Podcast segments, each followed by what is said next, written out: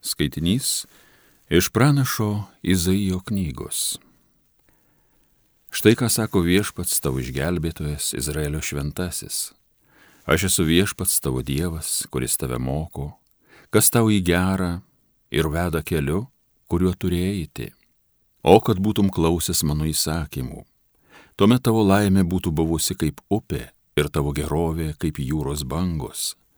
Tavo palikonys būtų buvę gausingi kaip smiltys ir tavo atžalos kaip smėlio grūdeliai. Nebūtų iš mano akių jūsų vardas išnykęs, nebūtų išdilęs. Tai Dievo žodis.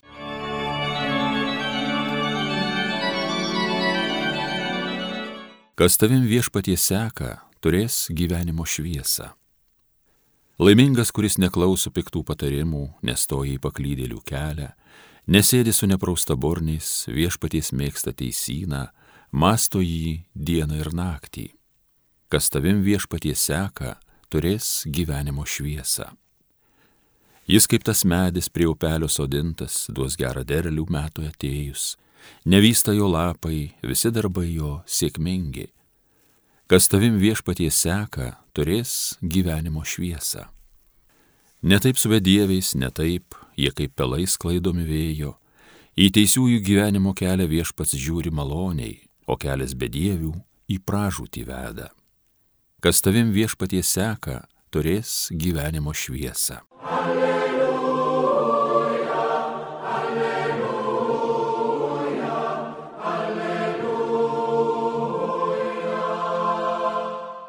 Viešpats ateis, tad skubėkime jo pasitikti. Jisai taikos kunigaikštis. Alleluja, alleluja, alleluja. Iš Ventosios Evangelijos pagal Matą. Jėzus kalbėjo minioms, su kuo galėčiau palyginti šią kartą. Ji panaši į vaikus, kurie sėdi priekyvietėje ir šaukia savo draugams, mes jums grojome, o jūs nešokote, mes gėdojome raudas, o jūs neverkite. Buvo atėjęs Jonas, nevalgus ir negerintis, tai jie kalbėjo, jis demono apsėstas. Atėjo žmogaus sunus, valgantis ir gerintis, tai jie sako, štai rijūnas ir vyno gerėjas, muitininkų ir nusidėjėlių bičiulis ir vis dėlto išmintis pasiteisina savo darbais. Tai viešpatie žodis.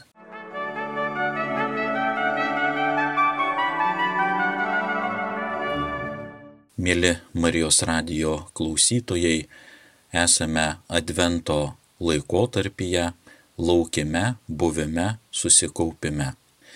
Pažvelkime į šios dienos Evangeliją ir mums skirtus Jėzaus, mūsų gelbėtojo, mokytojo ir išganytojo žodžius. Jėzaus žodžiai tai apie vaikus grojančius dudelę, kaip niekas kitas puikiai apibūdina pagrindinę dvasinę problemą, kuri daugeliui jį mačiusių ir girdėjusių trukdė priimti Kristaus žodžius ir patekti į Dievo karalystę. Kalbama apie vaikiškus žaidimus, kai viena vaikų grupė pakviečia kitos grupės narius atspėti melodiją, grojant su dudele ir atitinkamai atsakyti, sureaguoti. Tačiau melodijos pradžia dažnai neleisdavo tiksliai pasakyti, kokia ji bus - liūdna ar linksma, o spėliojantis arba turėtų šokti, arba graudulingai dainuoti. Žaidime svarbiausia buvo teisingai atspėti žaidėjų ketinimus ir atitinkamai reaguoti, pataikant į temą. Greičiausiai aplinkiniai kažko panašaus tikisi ir iš Dievo tarnų, ir iš paties mesijo. Jie turi šokti pagal grojančių melodiją, kitaip jie nelaimės šio žaidimo. Jėzus šiandien Evangelijos pabaigoje sako, ir vis dėlto išmintis pasiteisina savo darbais. Šis sakinys labai dažnai kelia klausimų dėl vertimo. Kaip ir bet kuris vertimas, jis siūlo tam tikrą paruoštą interpretaciją. Pagal vieną iš vertimų Jėzus sako, išminti pateisina jos vaikai. Tai žmonės, kurie klausėsi ir Jono Krikštitojo ir paties Jėzaus, norėjo, kad ir pranašas, ir mesijas būtų tokie, kokiu jie norėjo, kad jie atitiktų žmonių įsivaizdavimus apie juos. Nenuostabu, kad turint tokį požiūrį negalėjo būti nekalbos apie Kristaus ir Dievo karalystės prieimimą. Ir čia reikalas net ne tame, kad nei Jonas Krikštytojas, nei pats Jėzus neketino šokti pagal kažkieno tai melodiją. Visų pirma, tai yra prioritetų klausimas. Tie, kurie to norėjo, iš tikrųjų pirmenybę teikia savo įsivaizdavimams ir susigalvojimams apie Mesiją bei Dievo karalystę.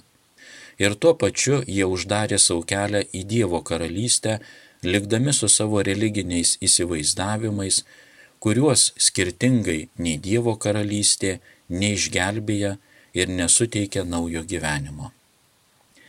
Jei vis dėlto kalbama apie išminties vaikus, tai šventojo rašto kalba galima vadinti tuos, kurie ieško išminties, vertina ją ir jie vadovaujasi.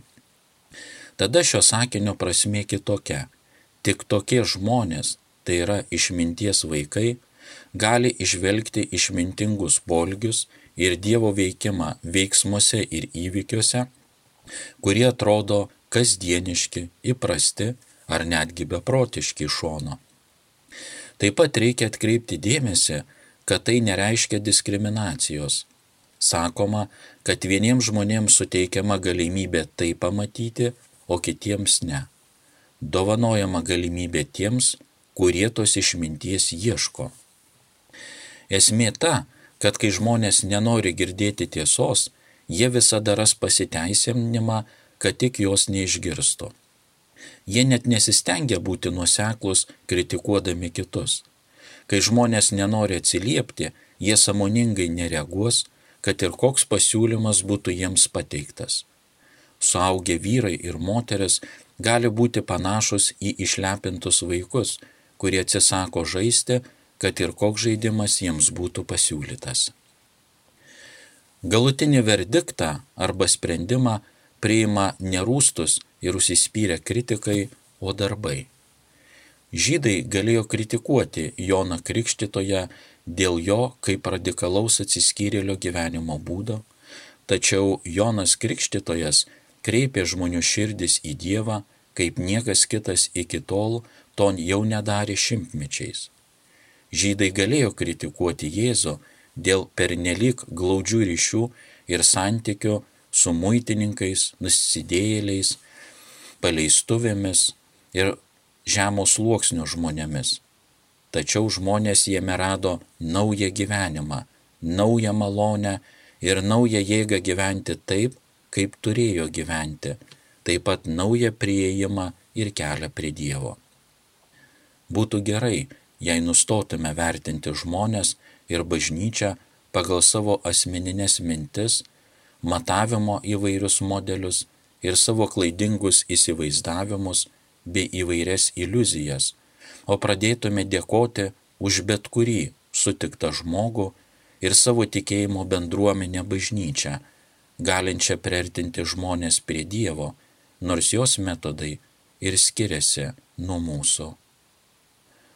Būkime palaiminti tolimesnėje Advento kelionėje link Kristaus gimimo kalėdo, matydami, girdėdami širdimi visa savo esybė ir gyvenimu, taip kaip nori Kristus ir veda mūsų motina bažnyčia.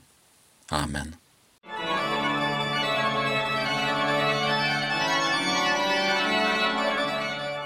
Homilija sakė kunigas Juozas Fakėjevas.